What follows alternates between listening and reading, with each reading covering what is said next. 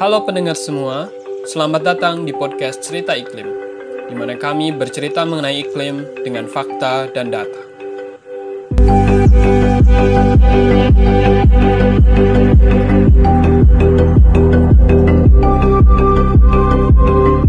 Cerita Iklim adalah wadah bagi generasi penerus bumi untuk bisa memahami fenomena perubahan iklim yang bersandar pada data-data yang terpercaya. Kami aktif di beberapa platform media sosial seperti Instagram, @cerita.iklim, dan channel Cerita Iklim Spotify yang sedang teman-teman dengarkan. Oke, halo semua. Kembali lagi di podcast Cerita Iklim. Nah, kali ini saya sudah bersama co-host kita, seperti biasa, Gozi. Halo Gozi. Halo Taufik, terima kasih. Uh, apa kabar, Gos? Baik sih gue, dan gue harap teman-teman pendengar juga sehat-sehat semua ya. Yoi. Nah, selain Gozi, di sini juga kita ada dua orang lainnya nih. Wah, rame-rame. Sebelumnya kita kedatangan satu orang dari uh, V, dari tim Cerita Iklim. Sekarang kita juga kedatangan yang lain lagi dari tim Cerita Iklim, dua orang yaitu yaitu Kanya dan Haidar. Selamat datang Kanya dan Haidar. Halo, teman podcast. Halo guys. Oke, Kanya dan Selamat Haidar datang. ini ya selamat datang. Kanya dan Haidar ini uh, mereka adalah uh, bagian dari tim bedah jurnal Cerita Iklim. Waduh. Jadi kalau teman-teman cek di Instagram Cerita Iklim @cerita.iklim, di situ tiap dua minggu sekali ada uh, konten bedah jurnal di mana Cerita Iklim, uh, terutama tim-tim tim bedah jurnal ini, mereka membedah suatu jurnal atau membuatnya merangkumnya uh, supaya lebih mudah dipahami oleh halayak yang lebih luas gitu. Nah, sebelum kita bahas lebih lanjut tentang jurnalnya nih, kita kenalan dulu sama orang-orang di baliknya. Nah, Kanya boleh kenalan sedikit Kanya? Oke, eh, salam kenal teman-teman semua. Eh, nama gue Kanya Cita Hani Alivia, biasa dipanggil Kanya. Eh, gue lulusan UI, jurusan Teknologi Bioproses tahun 2009, tahun 2015 angkatannya. Baru lulus tahun lalu dan sekarang alhamdulillah lagi kuliah S2 di Imperial College London, eh, jurusan Hmm. Advanced Chemical Engineering with Biotechnology. Wow, jadi Kanya sekarang ada di Inggris ya? Iya, sekarang lagi di Inggris. Alhamdulillah karena podcast kita lewat online ya, jadi tetap bisa ngobrol-ngobrol sama teman-teman semua. Iya. iya. Em, berarti sekarang di kota mana Kanya? Di London. Di ya? Londonnya, iya. Oke, jam berapa di sana sekarang? Jam 9, ya jam Oh, 9. Jam 9, masih pagi ya. Masih pagi, lumayan. Iya.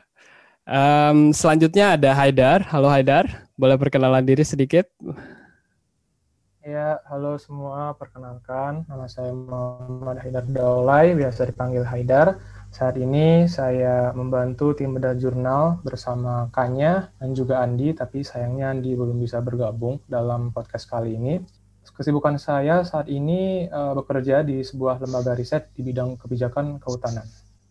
Mungkin itu Hmm. aja, Fik. Oke, du- sebelumnya itu eh, background pendidikannya apa ya, Dar? Oh iya, Eh, alhamdulillah ba- di bulan September kemarin baru saja lulus di Magister Ilmu Kehutanan UGM dan Oh, S1-nya asik. juga eh, kebetulan linear yaitu Kehutanan UGM. Ya, jadi mungkin kurang lebih sering eh, oh ya walaupun nggak sering masuk hutan tapi agak paham sedikit lah tentang kehutanan. gitu. Asik. Tidak seperti Andi yang sudah sering ke hutan ya. Andi Andi mainnya ke hutan. Ya, Iya, mungkin Andi, Andi bisa dia lebih sering ke hutan ya, walaupun bukan kehutanan tapi dia lebih ke hutan. mungkin bisa dikenalin sedikit mungkin di teman-teman tentang Andi ini. Andi ini backgroundnya apa gitu? Ya. Untuk pendengar yang lain. Andi. Oh ya, Andi, mereka eh, si Andi ini teman kita dari Universitas Indonesia dan seangkatan juga dengan kita, angkatan 2015. Dan eh, Andi lebih banyak riset tentang ini sih, eh, antropologi di hutan adat begitu. Hmm. Kalau nggak salah di bulan Agustus kemarin juga Andi baru riset di hutan adat Baduy. Nah sekarang Hmm. eh, si Andi lagi riset tentang hutan adat di Bangka ya kalau nggak salah ya kayaknya ya. Belitung kayaknya, ya. Iya Bangka, iya ya. Bangka. Iya. Oh, keren-keren banget ya. Ada yang dari tim bedah jurnal ini ada yang udah lulus S2, ada yang lagi S2 di Inggris, ada juga yang sekarang sedang di hutan melakukan penelitian, udah cocok banget lah ya. Kali mungkin aja jurnal ini udah kayak nasi ya buat kalian ya. udah kayak makanan sehari-hari gitu. Uh, oh ya, Dar. Uh, itu kehutanan UGM tuh sama kayak Jokowi ya, kalau nggak salah. Betul nggak sih? Oh iya. Adanya Jokowi nih berarti. Iya, betul. Iya, iya. Salam ya buat alumni ya. Iya, iya kebetulan aja. Ya. Ya. Udah lanjut. Sebel dia. Oke. Oke, eh, sebenarnya gue uh, podcast kan beda ya dengan jurnal dan ya inilah podcast nggak terlalu serius. Tapi kalau jurnal kayak rasanya serius banget nggak sih? Sebenarnya gue mau tahu nih gimana sih kalian uh, apa yang kalian lakukan untuk membuat sebuah konten bedah jurnal itu dari dari mana terus nanti akhirnya akan kayak gimana sih Haidar atau Kanya? Ya oke, okay. aku nambahin dulu ya, mungkin nanti Kanya bisa lanjutin. Nah, uh, ya mungkin uh, kalau orang-orang uh, pada umumnya mungkin mengira jurnal tua ini serius banget nih, ilmiah banget nih. Nah, kita, beda, tim beda jurnal ini hadir dengan tujuan untuk mengubah stigma itu. Jadi biar gimana caranya biar ya halayak publik ini mau membaca hasil dari penelitian. Karena sebenarnya hasil-hasil penelitian itu kan kebanyakan dipublishnya di jurnal lah ya. Nah, gimana caranya kita bisa tahu tentang penelitian terkini apabila kita uh, sudah takut untuk membaca jurnal begitu. Nah, di sinilah kita di Beda Jurnal hadir untuk uh, membuat suatu jurnal yang mungkin terkesan uh, bahasanya berat, bahasanya ilmiah. Nah, kita berusaha untuk me mengkomunikasikan hasil penelitian dalam jurnal ke dalam bahasa yang mudah dimengerti begitu. Nah, jadi biar uh, teman SMP itu uh, mau membaca tentang hasil penelitian, uh, terutama tentang perubahan iklim ya, karena kita bergerak di bidang uh, climate change. Nah, sehingga uh, hasil penelitian yang terbaru itu sampai ke berbagai macam uh, halayak, baik itu SMP, SMA, kuliah, dengan cara memberikan uh, apa ya, membahasa, mengkomunikasikan jurnal ke dalam bahasa yang mudah dimengerti. Jadi biar stigma tentang jurnal itu nggak berat, nggak terlalu saintifik itulah intinya tujuan utama kita. Oh, Begitu. gitu ya.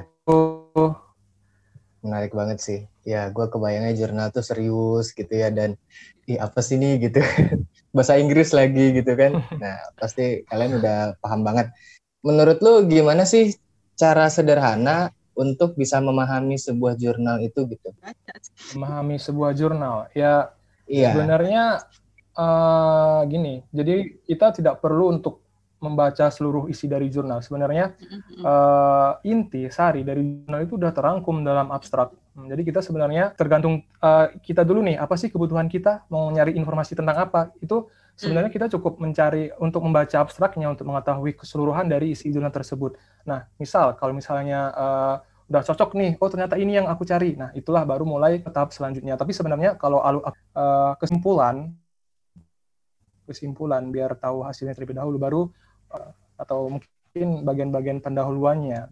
Oh iya, tapi uh, gue juga penasaran nih kayak kalau misalnya kalian udah memutuskan ingin membahas suatu jurnal gitu, prosesnya gimana sih gitu? Awalnya gimana? Uh, terus ngobrol sama ya. yang lainnya tuh gimana gitu? Oke. Okay. Uh, oh iya, uh, kalau terkait proses, oh ya, kanya kanya, enggak. ya, jadi Uh, kalau terkait pemilihan jurnal sendiri, kita kan di cerita iklim kayak ada tema setiap dua minggu gitu. Jadi setiap dua minggu uh, konten cerita iklim itu kayak senada gitu dari segi jurnalnya, podcastnya, sama konten-konten lainnya gitu. Contohnya kalau di uh, yang terakhir kita rilis adalah bedah jurnal tentang teknologi carbon capture gitu. Nah ini tema besarnya adalah tentang pengurangan emisi gitu. Jadi tema-tema konten lainnya ada yang tentang uh, Green Climate Fund, tentang perdagangan karbon dan lain-lain gitu. Nah ini uh, jadi tema besarnya kita udah ada, terus kita cari nih kira-kira topik yang nyambung sama tema besar ini apa kita mau bahas dari segi apanya.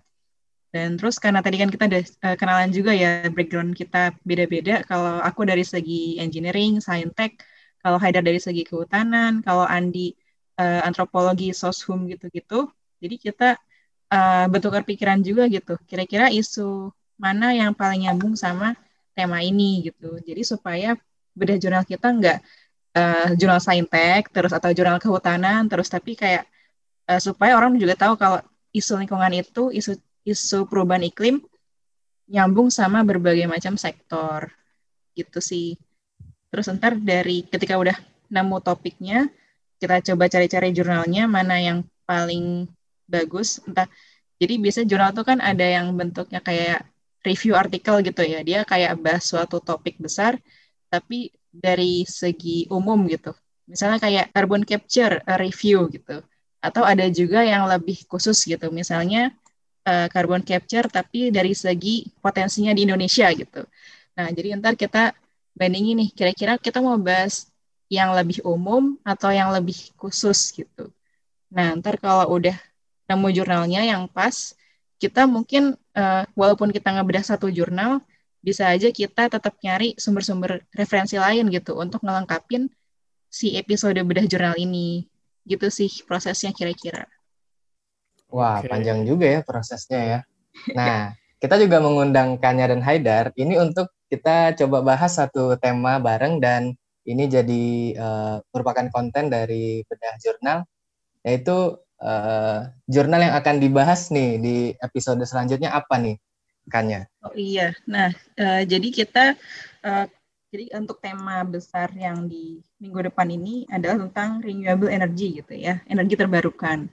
Dan uh, jadi kalau kita udah nemu tema besarnya ini, kan banyak ya kita bisa bahas dari segi macam-macam. Kita mau energi terbarukan dari segi apanya gitu dan kita uh, diskusi dulu sama dari uh, dari bedah jurnal sama dari tim podcast juga untuk sharing-sharing ide uh, dan kita nemu ide tentang energi geothermal gitu.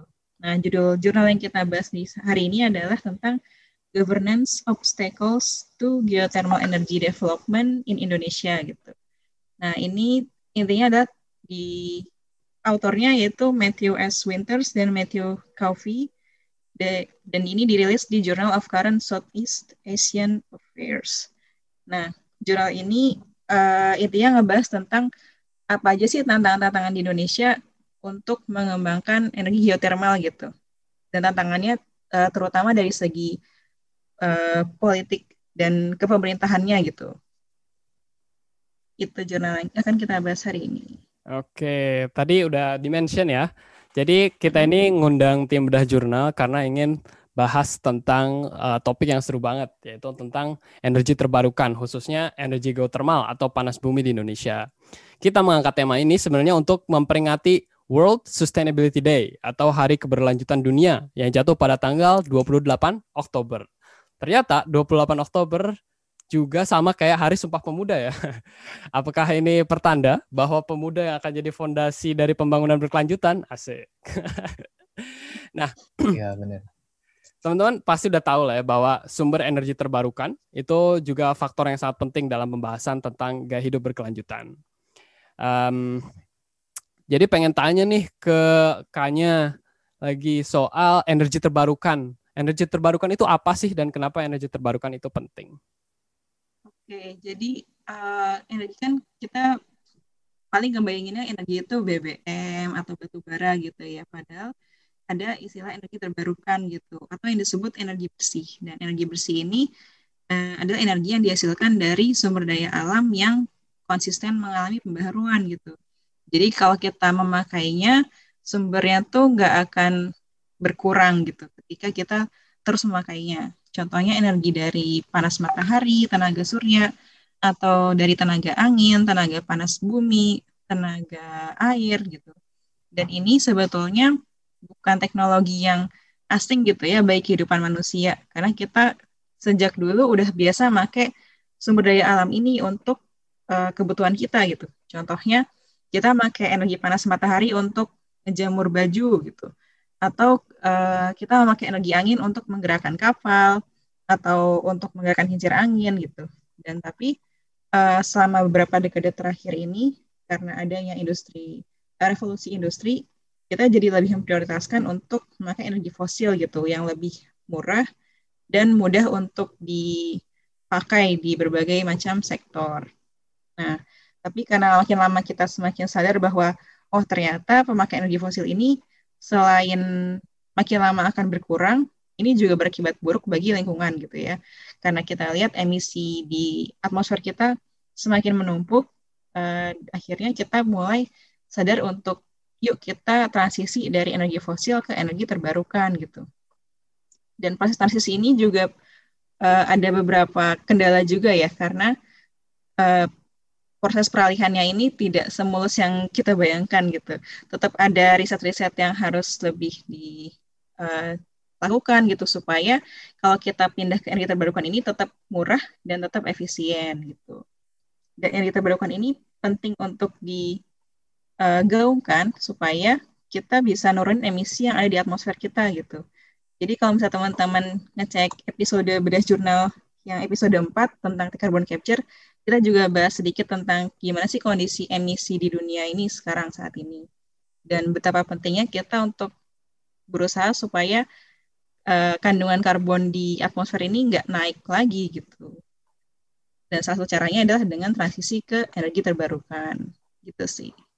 Oke, mantap. Ya, bener banget tuh. Uh, jadi kita udah harus shifting dari energi tradisional ke energi yang terbarukan. Nah, sebenarnya gue pengen tanya nih.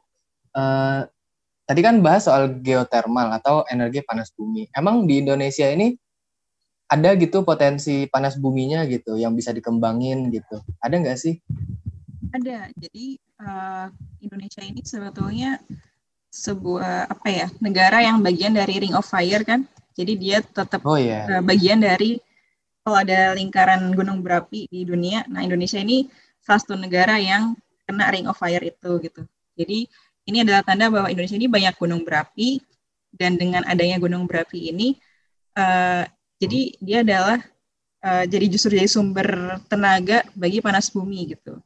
Mungkin bisa di kalau belum kebayang apa hubungannya ada gunung berapi sama energi geotermal, uh, aku jelasin sedikit tentang prinsip geotermal itu sendiri ya. Jadi uh, tenaga geotermal itu ada tenaga panas bumi. Jadi kalau misalnya kita bayangin ada gunung berapi, dia kan bawahnya ada magmanya gitu ya, panas gitu. Nah, si panas dari magma ini dia bisa memanaskan uh, kandungan air dalam tanah gitu. Sehingga si air ini lama-lama akan jadi uap. Kalau misalnya teman-teman pernah ngebayangin uh, geyser yang kayak dari tanah tiba-tiba udah cus gitu, ada air uap bertekanan oh, iya, tinggi iya. gitu keluar dari tanah. Nah, itu uh, itu adalah akibat dari air di tanah yang dipanaskan oleh panasnya si magma ini. Nah, jadi si uh, kita memakai energi panas bumi ini untuk jadi si uap panas yang bertekanan tinggi tadi dipakai untuk gerakin turbin uh, yang akhirnya akan menyalakan generator listrik gitu. Jadi dengan adanya si uap panas itu kita bisa ngasilin listrik gitu. Nah, jadi itu sih karena itu bayangin baru di satu tempat doang gitu, ada satu gunung berapi. Bayangin ada berapa banyak gunung berapi di Indonesia dan itu uh, benar-benar uh, potensi geotermal kita itu gede banget gitu, sekitar 20 28.500 megawatt gitu. Nah, itu potensinya gitu ya. Kalau kita pakai semua bisa ngasih listrik segede itu. Tapi oh. nyatanya. Kita baru make 2100 megawatt gitu. Nah, itu baru 7 persennya gitu. Oke. Okay. Itu sih. Nah, tapi uh, tadi kan kita udah ngobrol soal energi terbarukan dan energi panas bumi gitu kan. Mungkin ada beberapa pendengar yang masih belum bisa mengkoneksikan antara energi panas bumi dan energi terbarukan. Kenapa energi panas bumi ini bisa menjadi sumber energi terbarukan gitu? Apakah uh, panas buminya terus-terusan ada di situ apa bagaimana? Oh iya, jadi uh, dia termasuk bagian dari energi terbarukan karena ya pan kondisi panasnya magma itu dia nggak akan berkurang uh, apa ya nggak nggak akan kita nggak ngambil panas untuk dibawa ke atas gitu kan lama-lama akan habis gitu. Enggak tapi panasnya magma itu tetap di bawah dan hmm. panas itu akan nge panasin air di atasnya gitu. Nah air itu sendiri kan kalau misalnya ada hujan ada daur air gitu kan. Misalnya di air tanah ada airnya terus kita ambil uapnya gitu tapi kalau misalnya ada hujan hujannya akan ngalirin air lagi masuk ke tanah lagi gitu sehingga ini tetap termasuk bagian dari energi yang terbarukan gitu. karena air itu sendiri Bahkan kalaupun udah dipakai buat tenaga uap gerakin turbin, uh, kita bisa mendesain supaya uh, si uap ini kita balikin lagi jadi air, dimasukin lagi ke dalam tanah gitu. Jadi ada semacam injection well atau sumur injeksi di mana air yang udah jadi awalnya kayak air kena panas jadi uap dan uap itu dipakai buat gerakin turbin. Ntar habis buat gerakin turbin, balikin lagi jadi air pakai kondenser atau kondenser itu adalah alat untuk mengubah uap jadi air gitu. Nah, ntar air ini dimasukin lagi ke dalam gitu. Jadi dia akan terus muter dan itu sustainable gitu. Itu hmm. renewable. Dia nggak akan berkurang gitu. Hmm, iya. Uh, menarik sih penjelasannya. Jadi uh, kalau istilahnya energi kayak uh, fosil dan lain sebagainya itu kan kayak ada proses ekstraksi ya. Kita mengambil sesuatu yeah. dari tanah ke dibawa ke permukaan gitu kan. Tapi yeah, energi bener. panas bumi ini berbedanya tidak ada proses ekstraksi gitu. Kita hanya menggunakan panas yang ada di uh, dalam tanah untuk memanaskan air yang ada di atasnya di permukaan gitu. Ya. Iya, ya. benar banget ya. gitu.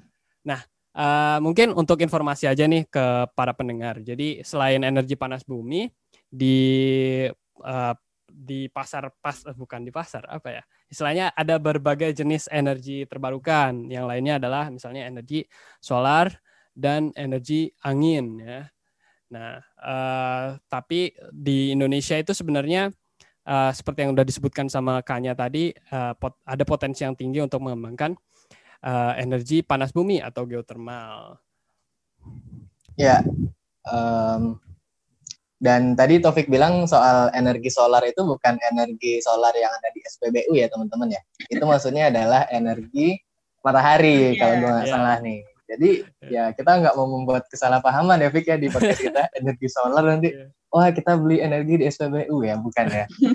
Nah ternyata emang potensi energi geothermal besar banget sih ya. Dan mungkin di masa depan kita bisa akan menggunakan energi solar ah maaf energi solar lagi uh, energi geothermal sepenuhnya gitu. Cuma mungkin gue penasaran nih sama Mas Haidar.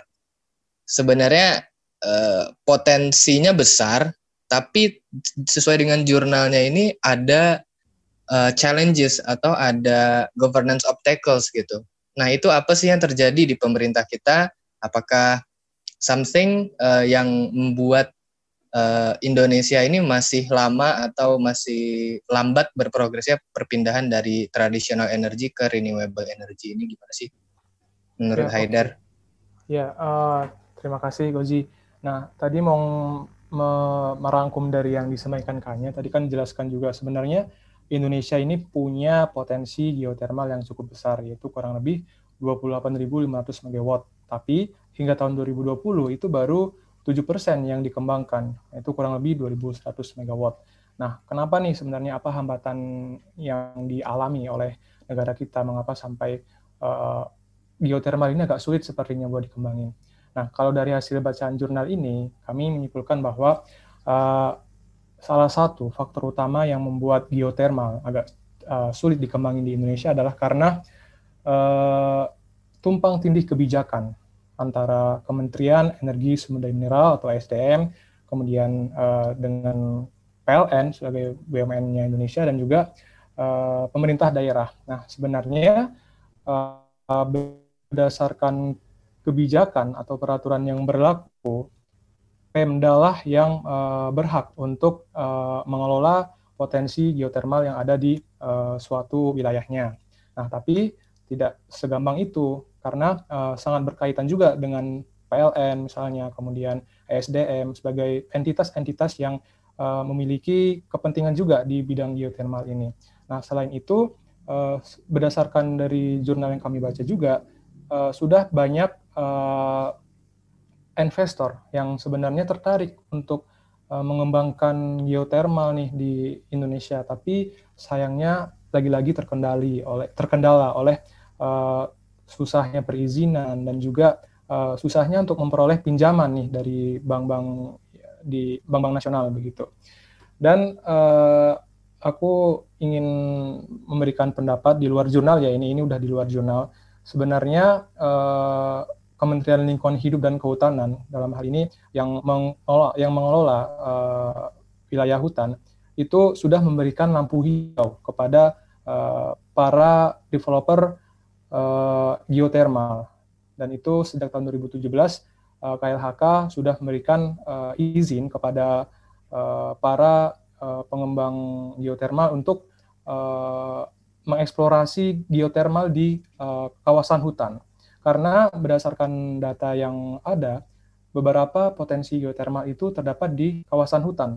Nah, dengan adanya perizinan yang sudah dikeluarkan oleh Kementerian Lingkungan Hidup dan Kehutanan, sebenarnya ini merupakan uh, apa ya? merupakan suatu keuntungan juga yang bisa di potensi juga yang bisa di, dimanfaatkan untuk bisa uh, mengelola, untuk bisa mengembangkan geotermal di dalam kawasan hutan. Begitu sih, kalau dari segi kebijakan seperti itu. Jadi kebijakannya itu masih masih banyak tangan gitu ya. Ada kak, iya, ada masih, kementerian, ya. ada uh, eh, BUMN di situ, ada PLN, ada Pemda gitu. Jadi iya, sebenarnya menurut Haidar ini uh, keputusannya tertinggi itu di di siapa sih? Apakah di kementerian atau di Pemda?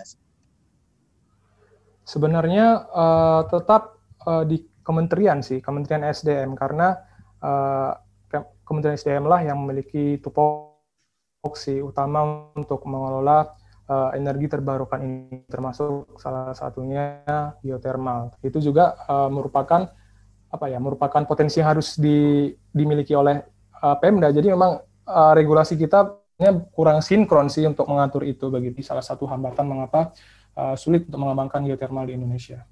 Oke, makasih Aidar. Di ini gue sambil ngecek jurnalnya juga nih.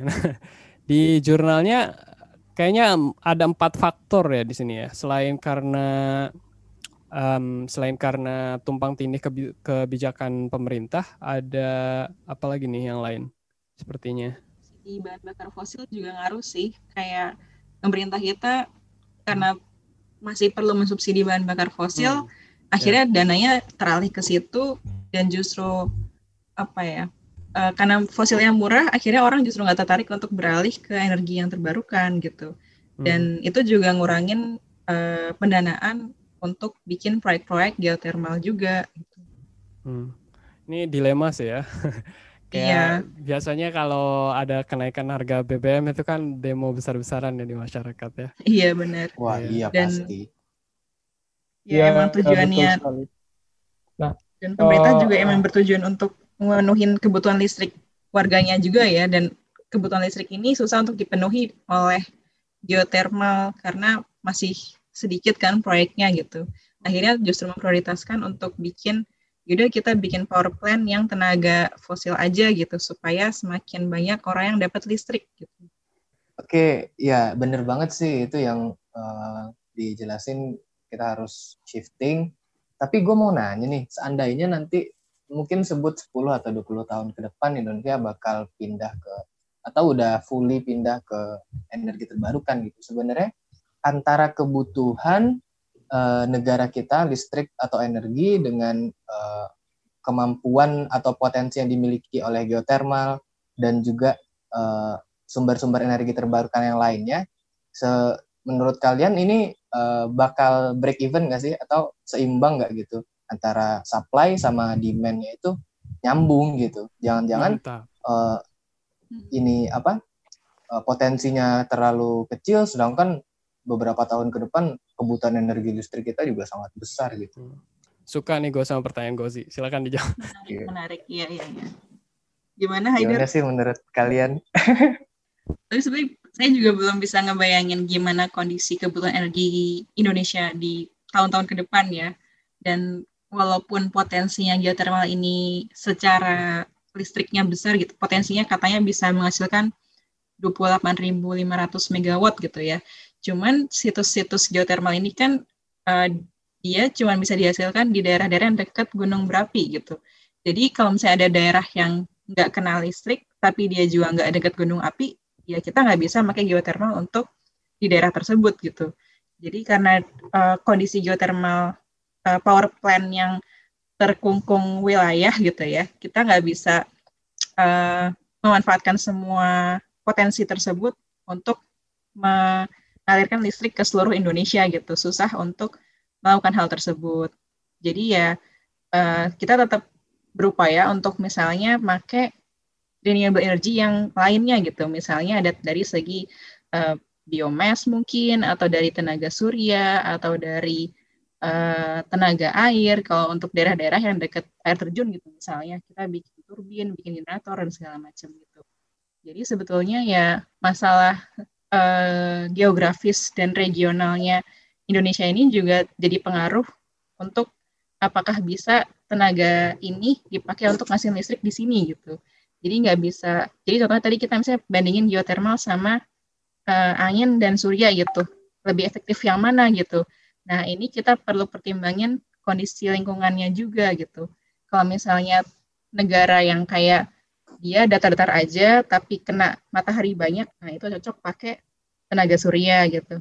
Atau negara lain yang banyak anginnya, ya cocok pakai tenaga angin gitu. Nah kalau hmm. di kita, walaupun potensialnya banyak, tapi itu susah untuk kita gunakan untuk jadi listrik dan didistribusikan secara merata itu susah gitu nah, sih. Tapi kita punya potensi besar di geothermal kan. Nah, itu benar. Di negara lain. Nah, ya. ya. Nah, mungkin untuk mencoba sedikit lebih optimis ya. Jadi uh, sebenarnya tidak ya. tidak harus ya, sama mau nambahin dong. Ya, oh, boleh boleh. Silakan Haidar. Tentang hambatan. Sebenarnya ini ini di luar jurnal ya, di luar jurnal dan berdasarkan pengalaman yang aku peroleh. Nah, sebenarnya sudah pernah dikembangkan geotermal di kawasan uh, Taman Nasional Gunung Leuser, Aceh. Nah, itu uh, cukup memperoleh uh, penolakan sebenarnya dari beberapa aktivis lingkungan karena hmm. dianggap pengembangan geotermal ini uh, mengganggu habitat gajah yang ada di dalamnya. Hmm. Padahal di satu oh, sisi iya, iya, iya. sebenarnya uh, geotermal ini uh, dimaksudkan untuk uh, memberikan suplai listrik kepada masyarakat sekitar yang sangat membutuhkan listrik di daerah. Yang ingin saya uh, tekankan di sini adalah untuk mengembangkan suatu energi geotermal ini kita tidak hanya berbicara tentang potensi, wah Indonesia punya potensi yang besar nih, tapi uh, banyak sekat-sekat uh, birokrasi tadi yang saya sebutkan yang menjadi hambatan. Kemudian penerimaan dari masyarakat, kemudian penerimaan dari aktivis lingkungan misalnya apabila itu uh, ber apa ya dengan daerah wilayah yang bisa diterima oleh masyarakat dan juga termasuk pertimbangan begitu. Oke, okay. uh, ya kalau ngobrol sama anak jurnal, gue ngerasa kayak bisa melihat suatu permasalahan dari berbagai sisi ya. Jadi kayak komprehensif gitu ya. Dilihat dari sisi potensi, dari sisi kebijakan, bahkan dari segi itu tadi ya apa uh, bahkan ada penolakan dari aktivis lingkungan sendiri gitu ya. Nah, uh, tapi mungkin gue komen soal yang tadi ya soal um, apa bahwa sulit sebenarnya untuk mengimplementasikan 100% energi terbarukan di Indonesia. Sebetulnya setuju. Hanya saja menurut saya tidak harus 100% gitu ya. Mungkin kalau 30% atau 40% saja udah udah lumayan signifikan gitu untuk uh, untuk usaha kita dalam mengurangi karbon. Gitu. Setuju nggak kalian? Iya, iya sih. Okay. Uh, itu tadi kita harus bagi-bagi renewable energinya kita mau uh, pakai apa di mana, pakai apa di mana. Misalnya geothermal kita gunakan untuk daerah-daerah yang dekat gunung berapi. Oke okay, gitu. Mungkin ini bisa memenuhi 20-30% kebutuhan energi listrik di Indonesia gitu. Bisa jadi kayak gitu. Nanti di daerah lain kita pakai tenaga yang lain gitu. Oke. Okay. Hmm, betul banget sih. Ya. Yeah. Um, Oke. Okay. Ya, seperti yang uh -huh seperti yang dikatakan Taufik tadi, setuju sih. Intinya kita harus optimis bahwa uh, 10-20 tahun ke depan kita bisa beralih dari fosil ke energi terbarukan, entah itu geothermal, ataupun uh, angin, ataupun uh, panas energi matahari begitu. Mm-hmm. aja sih, Oke. Okay. Ya, dari uh, tadi gue udah dengerin pembicaraan sekaligus ikut diskusi itu udah banyak belajar ya. Salah satunya yang gue pelajari dari Kanya adalah tentang uh, potensi geothermal di Indonesia dan bagaimana sebenarnya prinsip uh, panas bumi ini dapat menghasilkan energi, misalnya energi listrik gitu. Dari Haidar udah ngobrolin soal uh, dari segi politik, dari segi kebijakan dan lain sebagainya, bagaimana kenapa sampai sekarang energi geothermal walaupun potensinya tinggi tapi belum dikembangkan secara maksimal. Itu kalau Gozi lu belajar apa Goz? Kalau gue poin yang gue dapat adalah uh, antara sesuatu yang ideal dengan uh, implementasinya itu uh, adalah dua hal yang berbeda. Kita bisa punya potensi yang sangat besar, tapi ketika implementasi uh, sulit untuk memaksimalkan potensinya supaya keluar. Makanya di sini sebenarnya gue ingin menyampaikan uh, ini menjadi tugas rumah bagi kita um, teman-teman yang uh, sebagai mahasiswa dan juga teman-teman gue di, di cerita iklim yang juga punya perannya masing-masing dan juga nanti lebih ke pemerintah, ke negara, ke Bapak Presiden, uh, alumninya Mas Haidar supaya um, akan lebih baik lagi penanganan energinya karena kita udah tahu uh, energi menjadi satu isu yang sangat penting baik banget bagi Indonesia gitu. Oke, seru banget sih tadi uh, pembicaraan kita, diskusi kita bersama tim bedah jurnal tentang energi terbarukan, energi panas bumi dan lain-lainnya. Um, mungkin kalau teman-teman kepo, uh, minggu depan akan rilis ya, betul ya, Kanya dan Haidar, sekitar minggu depan, iya. bedah ya, jurnalnya. Ya, Oke, jadi bisa ditunggu aja teman-teman uh, pembahasan lengkapnya di Instagram @cerita.iklim dan juga teman-teman jangan lupa uh, untuk stay tune di podcast Cerita Iklim dan um, likes dan mungkin follow kalau teman-teman suka sama uh, podcast kita. Um, Oke, okay. uh, segitu aja dari kami. Uh, saya Taufik. Gua Gozi. Gue Kanya. Saya Haidar. Tim podcast dan tim bedah jurnal undur diri. Sampai jumpa di episode podcast Cerita Iklim berikutnya.